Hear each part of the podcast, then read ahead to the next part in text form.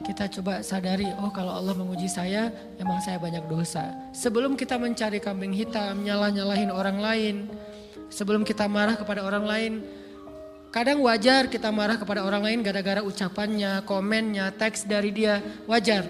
Tapi sebelum itu marah dulu kepada diri kita atas dosa dan kesalahan kita yang baru saja kita lakukan. Atau yang dulu kita lakuin dan belum benar-benar kita tinggalkan.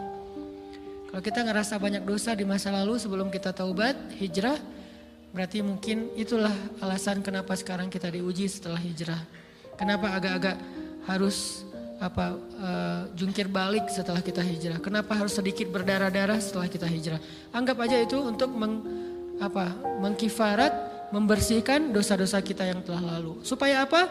Supaya kalau kita pulang kepada Allah, kita pulang dalam keadaan bersih. Dan itu pasti akan menjadi orang yang paling beruntung.